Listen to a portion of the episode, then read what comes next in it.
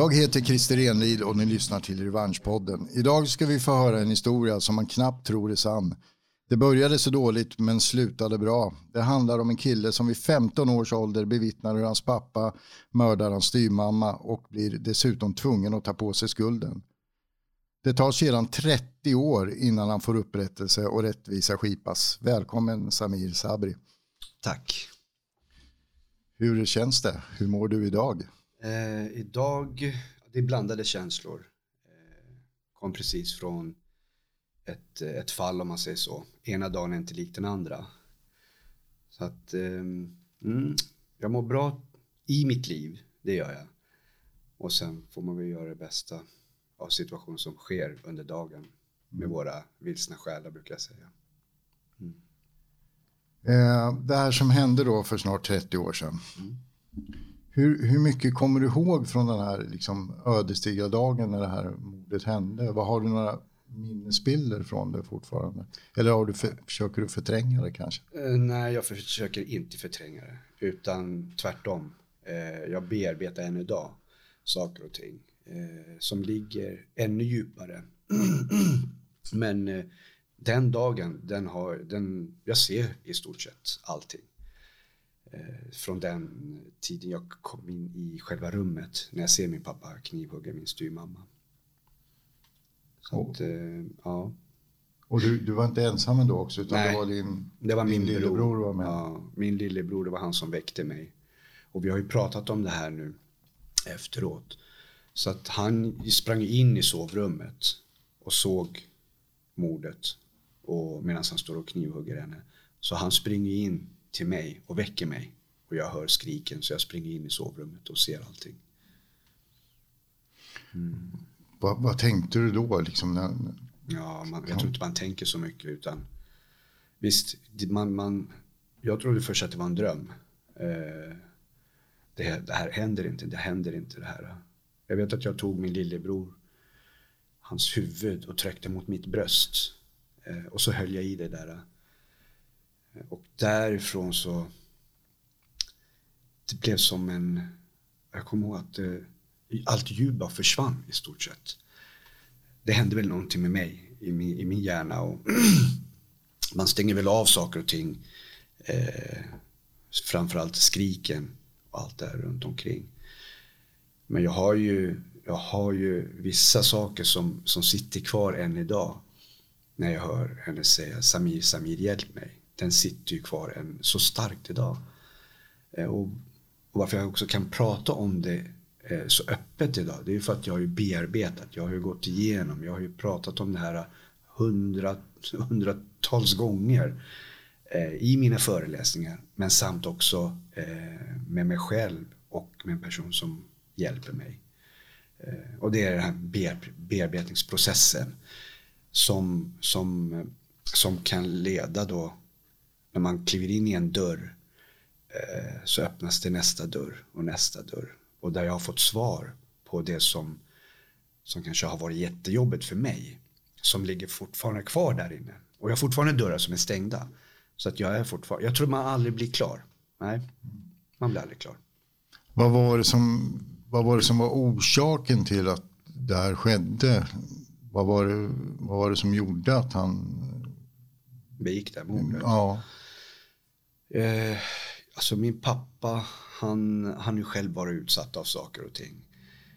Eh, längs våran podd som vi gjorde i Aftonbladet så, så kom sanningen bara mer, vi kom närmare sanningen och eh, där min farmor eh, har tryckt, eh, förtryckt min pappa när han var liten. Eh, och han har blivit slagen och blivit utsatt för saker och ting. Och han har inte fått hjälp med att ta tag i de problemen. och det har ju bara vuxit och vuxit. Och han har ju stängt av totalt. Eh, och eh, det är där jag jobbar idag. Hur viktigt det är.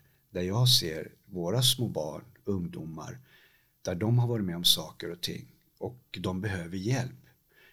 Och det kan vara så att de kanske har fått det första steget eller tagit det steget nu berättar jag sanningen och sen händer ingenting. Det är då man tar tio steg tillbaka, stänger av och bygger den här muren som bara växer med åren. Mm. För jag menar, du, du talar väl om som det var ganska snart efter att det här hade hänt. Var det något ja. år eller var det mer? eh, från den dagen så har vi suttit och räknat ungefär eh, cirka två och ett halvt år så blev vi frisläppt därifrån från ungdomskliniken. Så jag berättade ju sanningen eh, på ungdomskliniken där jag satt. Eh, de förstod ju direkt att det var någonting som inte, det är någonting som inte stämmer här. Under de åren som jag också bodde där. Eh, och eh, polisen kom ju dit och de förhörde mig och, och, jag såg ganska snabbt att de trodde inte på mig. Eh, där jag liksom för första gången, här ska jag sitta och berätta sanningen. Och sen få en hel, helt annan en reaktion från deras sida. Och då blev jag ju så arg och så jag, ja, jag flippade ju där. Jag tror jag tog en stol och slängde den över.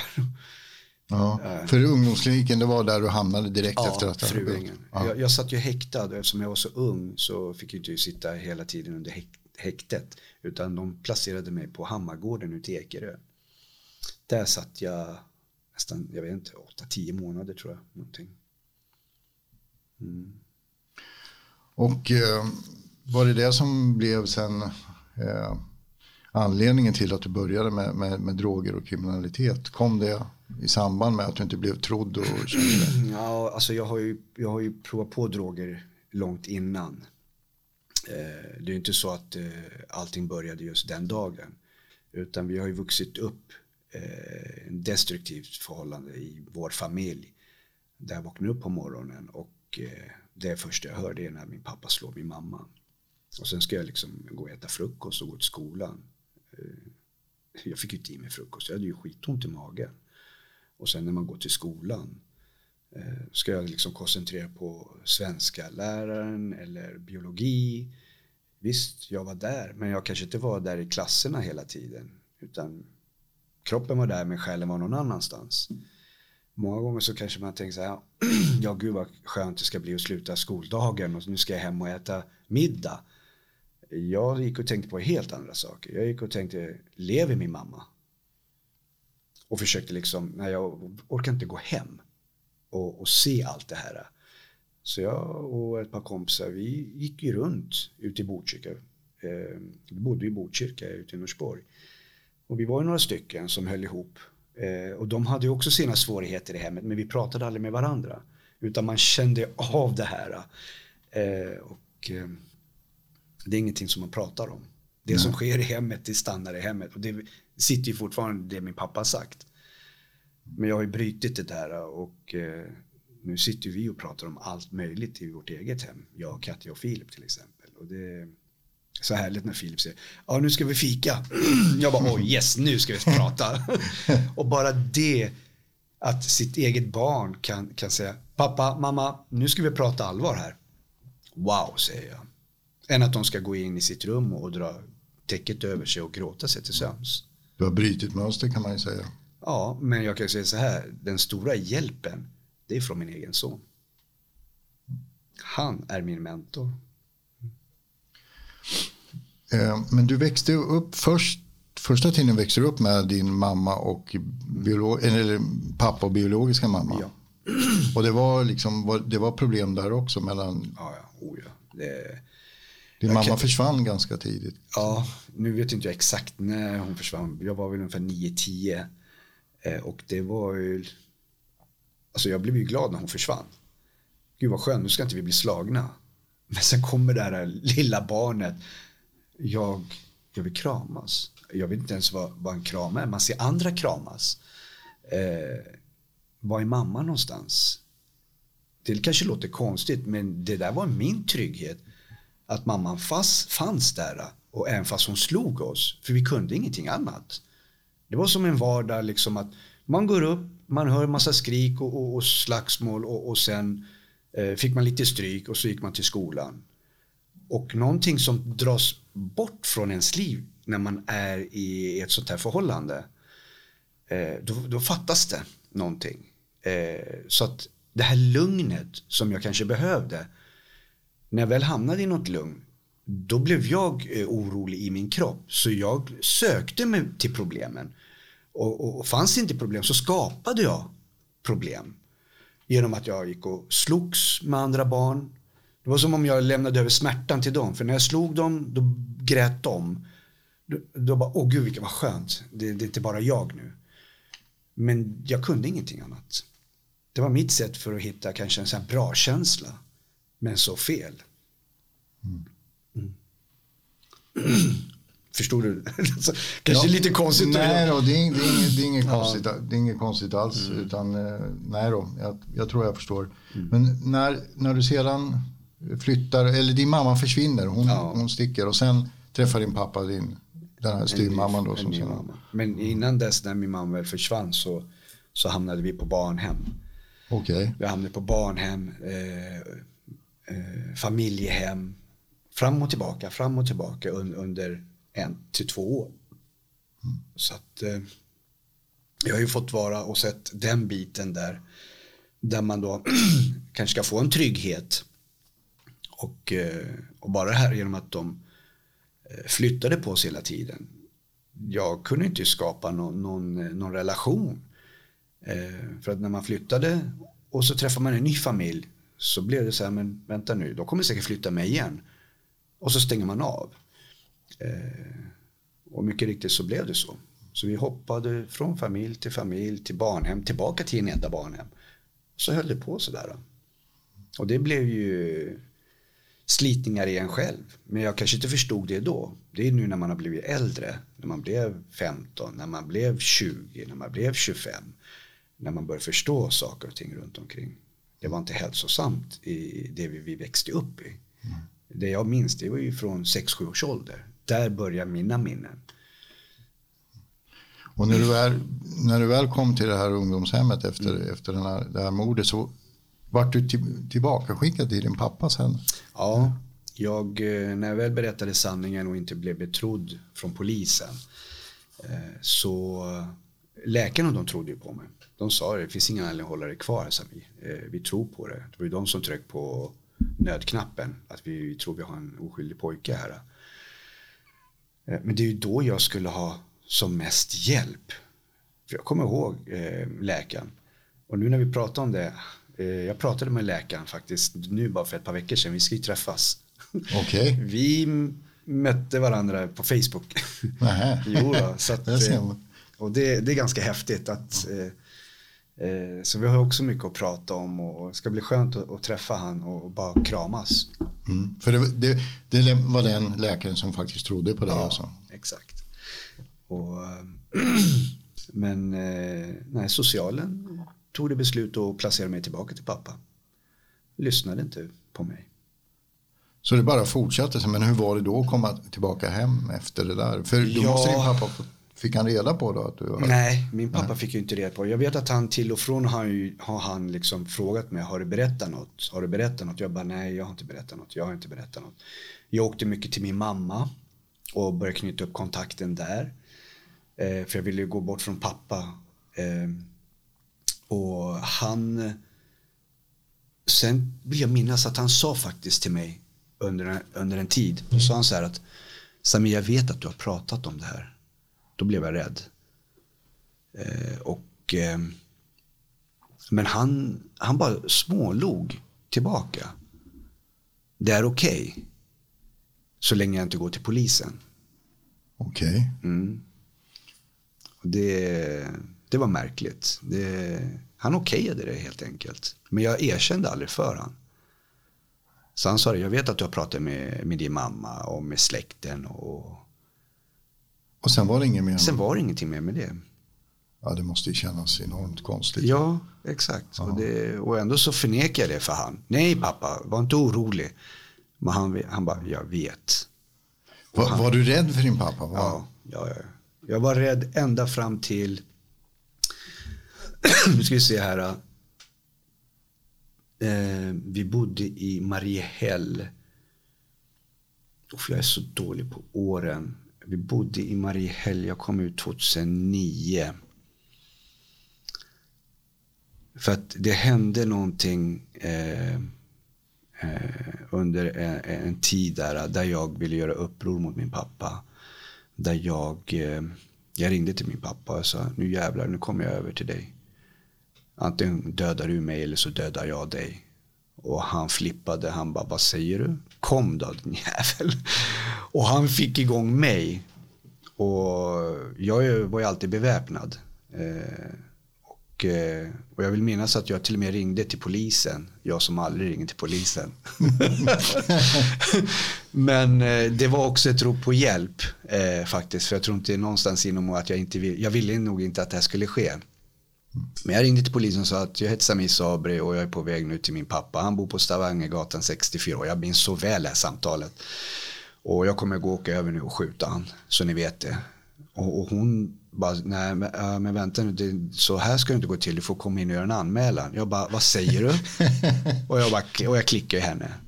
Eh, och eh, jag vill minnas då var min bror där och eh, min sambo Katja. Och jag flippade så de hoppade ju på mig och höll mig kvar. Annars skulle jag varit på väg att skjuta min pappa. Vad, vad gjorde han då när han såg att du verkligen vågade? Faktiskt? Det var första gången jag mm. vågade säga ifrån. Och eh,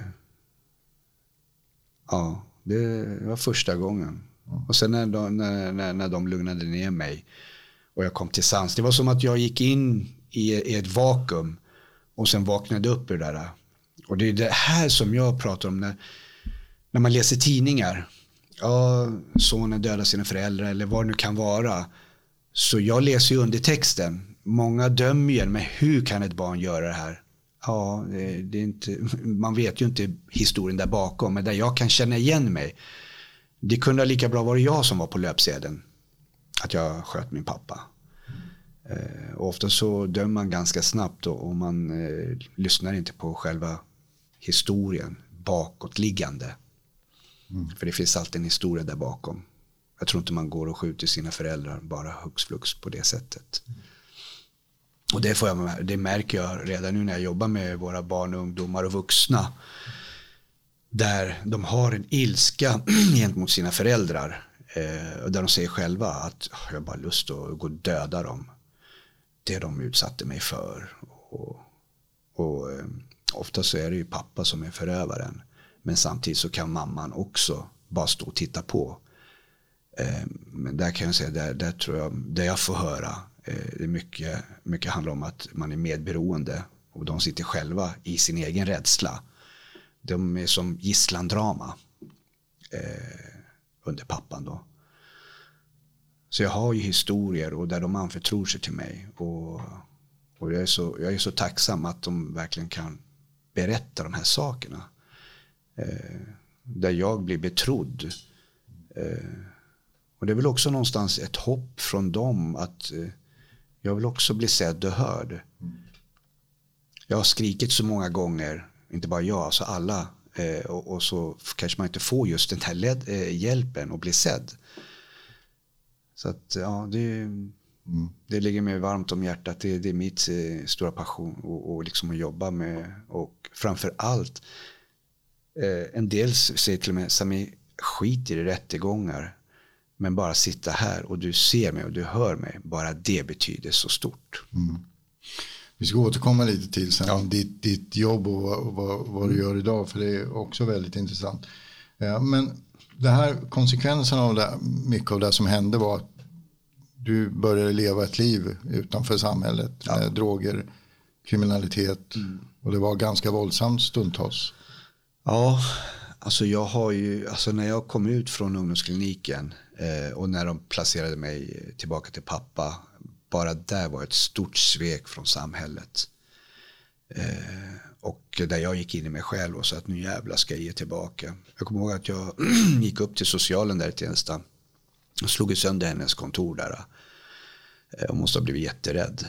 Eh, och eh, sen bara gick jag ut därifrån. Nu ska jag ge tillbaka. Och, och jag gjorde det hundra gånger om. Och det är där jag ser dagens ungdomar. De gör exakt likadant. Vad var, vad var det som, vad var, hur levde du? Vad gjorde du? Ja, jag levde inte ens. Utan eh, jag stängde av mig totalt och, eh, och sa att eh, i stort sett den som kommer i min väg, den tar jag bort. Alltså när du är död inombords så känner du inte någon, några känslor för någon annan person. och och eh, jag gick in ganska hård. Jag var hård mot mig själv. Och där fick ju också samhället smaka. Därför är det så viktigt eh, att man fångar upp dessa ungdomar där de är idag. För det kommer kosta hundra gånger mer. Mm. Mm. Och det, det, att man går in i tidig ålder och inte väntar tills man blir 20. Dagens ungdomar de blir inte ens 25 idag. Inom kriminaliteten. Samhället har blivit, eller det har blivit väldigt hårt ja, i den världen. Det oh, ja, blir bara hårdare och hårdare. hårdare. Och det här har jag ju pratat om när jag kom ut för tio år sedan. Det är ju exakt tio år sedan jag kom ut. 2009, 21 maj. Från, ett, eh, Från min sista fängelsestraff. Sista fängelsestraff. Och det var det jag gick in och, och jobbade med. Jag sprang till Fryshuset. Jag bara Anders! Anders Karlberg, ja, Bilefrid, ja. en stor man. Ja. Eh, och han har ju följt mig i, i alla dessa år. Eh, och han, han, besökte mig på fängelserna. Hur många fängelsestraff eh, har du gjort? Ja, det vet jag inte. Nej, det är många. Det, det, är många. Ja, det är många. Ja, det, det är som, som jag sa till dig tidigare. Ställer du frågan hur många bankrån jag har gjort, inte ens den frågan kan jag. Hur många bankrån har du gjort? Nej, jag vet inte. Jag vet inte. Det, men eh, det, det är det här med att en person som ser en som Anders Karlberg, där han själv tar eget initiativ och besöker mig och alla andra på fängelserna. Eh, wow, säger jag. Och eh, Kommer ihåg när han sa det, Samir, hur mår dina soldater där inombords? Jag bara, din gubbjävel, ge fan i mina soldater för jag ska spränga polishuset och socialkontoret och allt möjligt. Han bara, okej, okay, du är inte där än. ja. och, men sen när jag kom ut så förstod jag ju liksom. Eh, han såg ett frö? Han såg mig. Han såg mig långt, långt innan. Och, eh, jag sprang, sprang direkt till, till, till, till Fryshuset och bara hoppade upp. Han, Farsan! Han bara, ah, nu är du vaken. ja, ja. det är häftigt. Mm. Eh, men sen eh, träffar du på en advokat också som heter Sargon Dabasso då, mm. som kommer att hjälpa dig med, det här, ja. med den här upprättelsen. Ja. Hur började det? Vad var det? Tog du kontakt med honom? Och, eh, eller var, ja, alltså jag har, vi har ju haft kontakt med varandra. Så det, jag har sagt, fan ska vi inte, vi måste ju ta tag i det här. Och jag tror eh, för Sergon, han har också massa saker att göra. Och, och eh, mitt uppe i, i sina mål. Och, och, men vi har haft en jättefin relation och fortfarande en fin relation.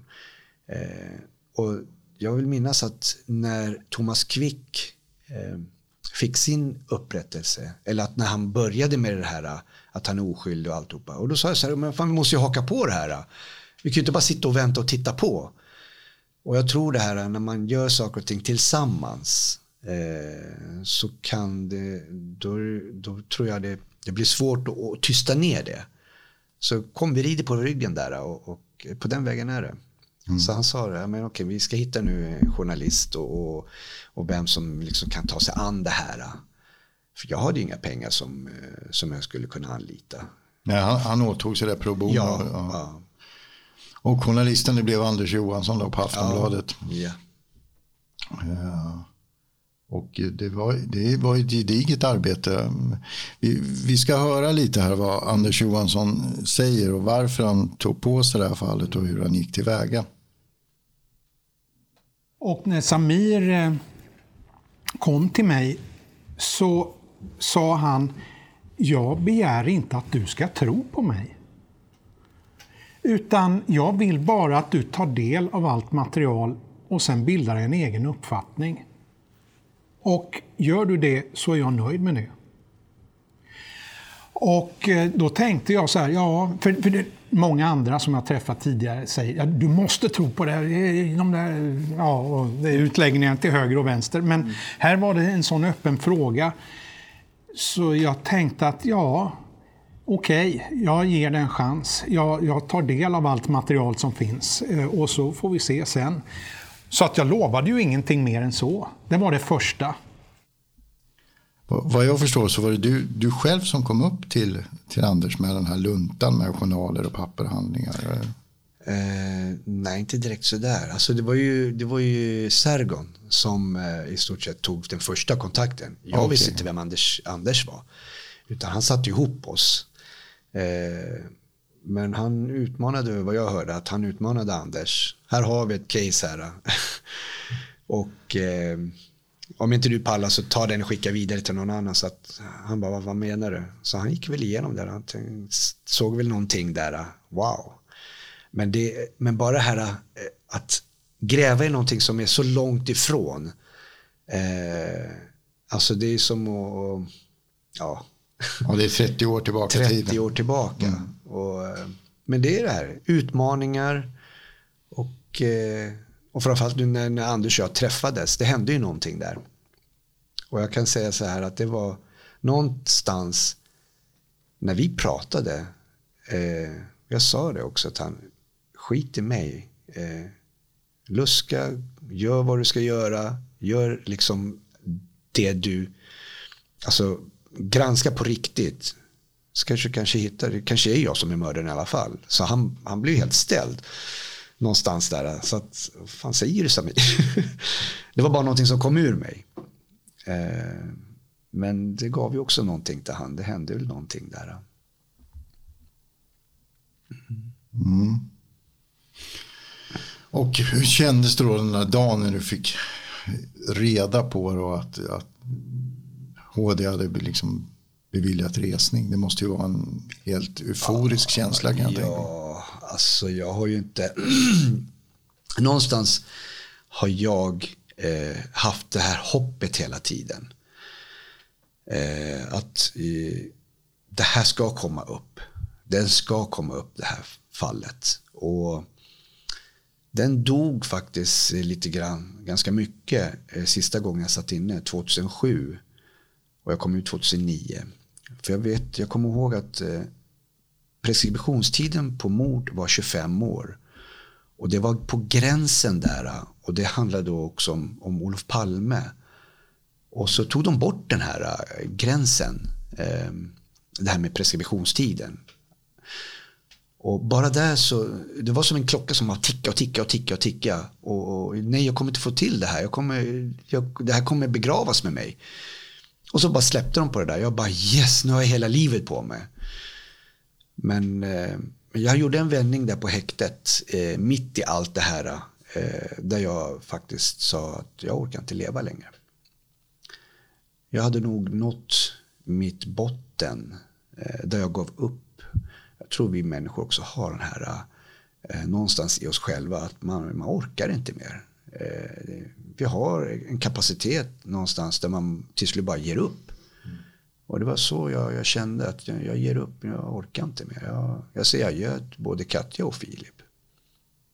Och Katja är din fru och Filip ja, din, din son? Min son, ja. Och Filip han gav mig en, en sån kram en kram som, som satt djupt, långt djupt. Eh, jag tror han såg någonting i mina ögon. Eh, och att, eh, jag tänkte inombords, men släpp mig din skitunge. jag sa inte det, men jag sa det inombords. Mm. Och han bara håller och håller och håller. Jag är inte van att kramas. Det är känsliga saker. Och speciellt i lång tid. Till slut så hör man hjärtpulsen gentemot varandra. Mm. Men där vände jag mig och gick in i min cell och sa att vem fan jag som ska ta Philips pappa ifrån han. Mm. Och sen har jag bara fortsatt. Mm. ja. Och jag menar, det har ju gått, det har ju gått bra. Mm.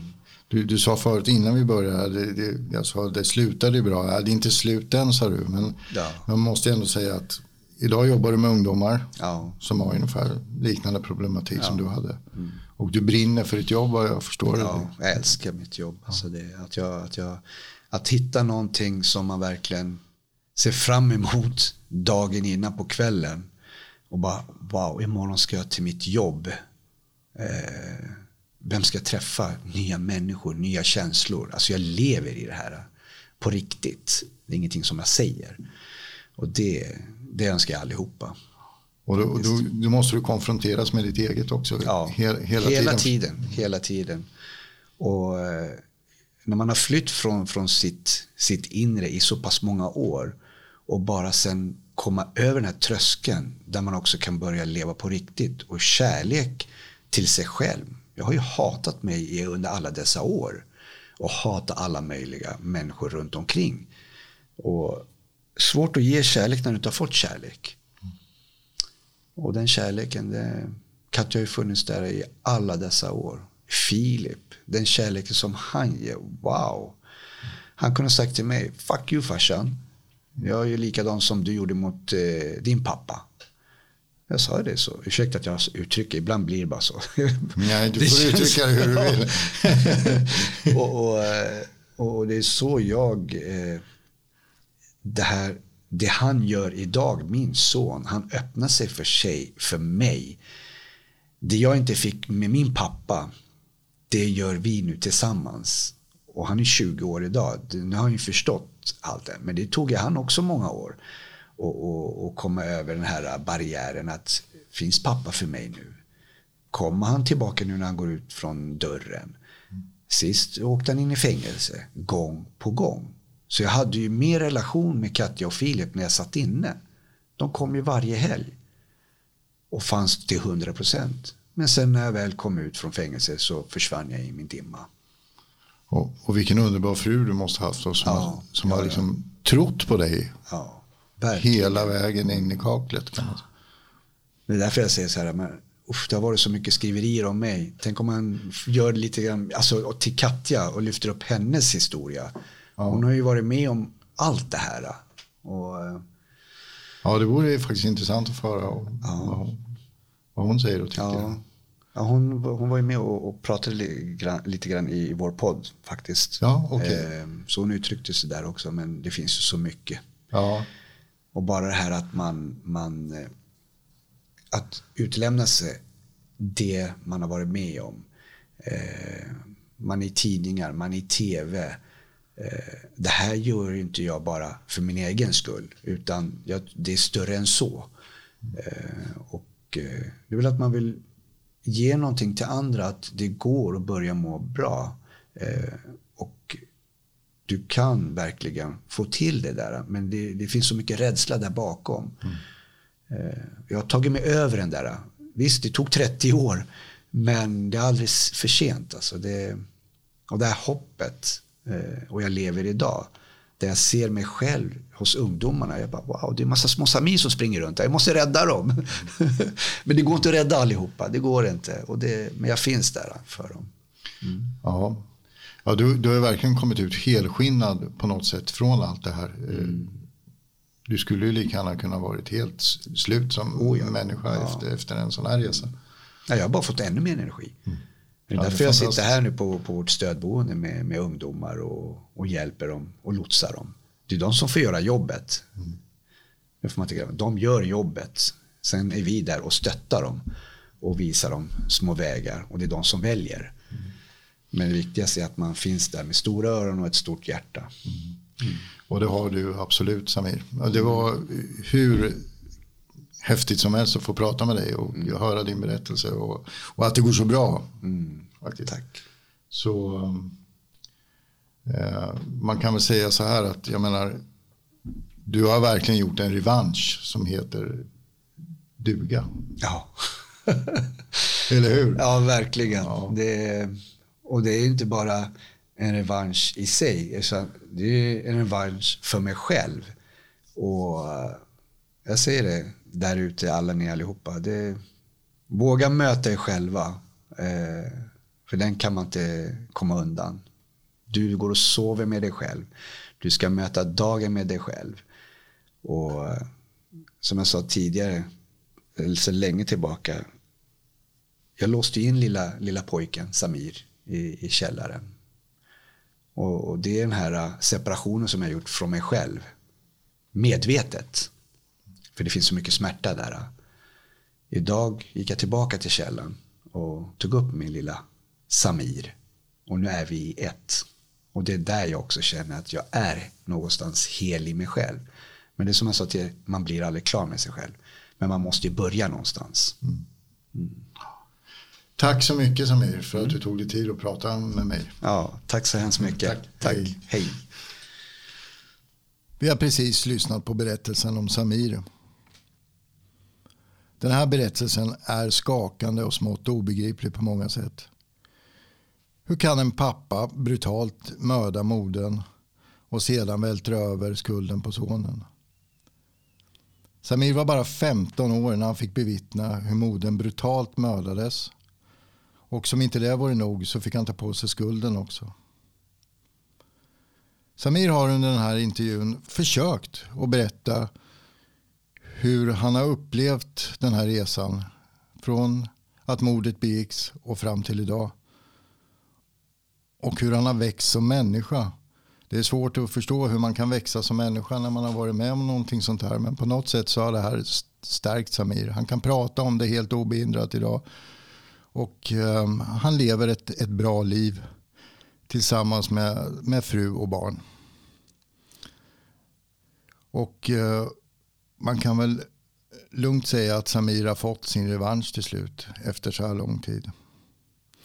I nästa avsnitt av Revanschpodden ska vi lyssna på en tjej som tillhörde en av de mest våldsamma organisationer i det här landet. Man kan tänka sig. Hon levde där under många år men tröttnade till slut och ville ta sig ur. Och vi kommer att få höra hur, hur hon levde i den här organisationen och om hennes kamp att ta sig ut därifrån. Lyssna på Revanschpodden där andra poddar finns.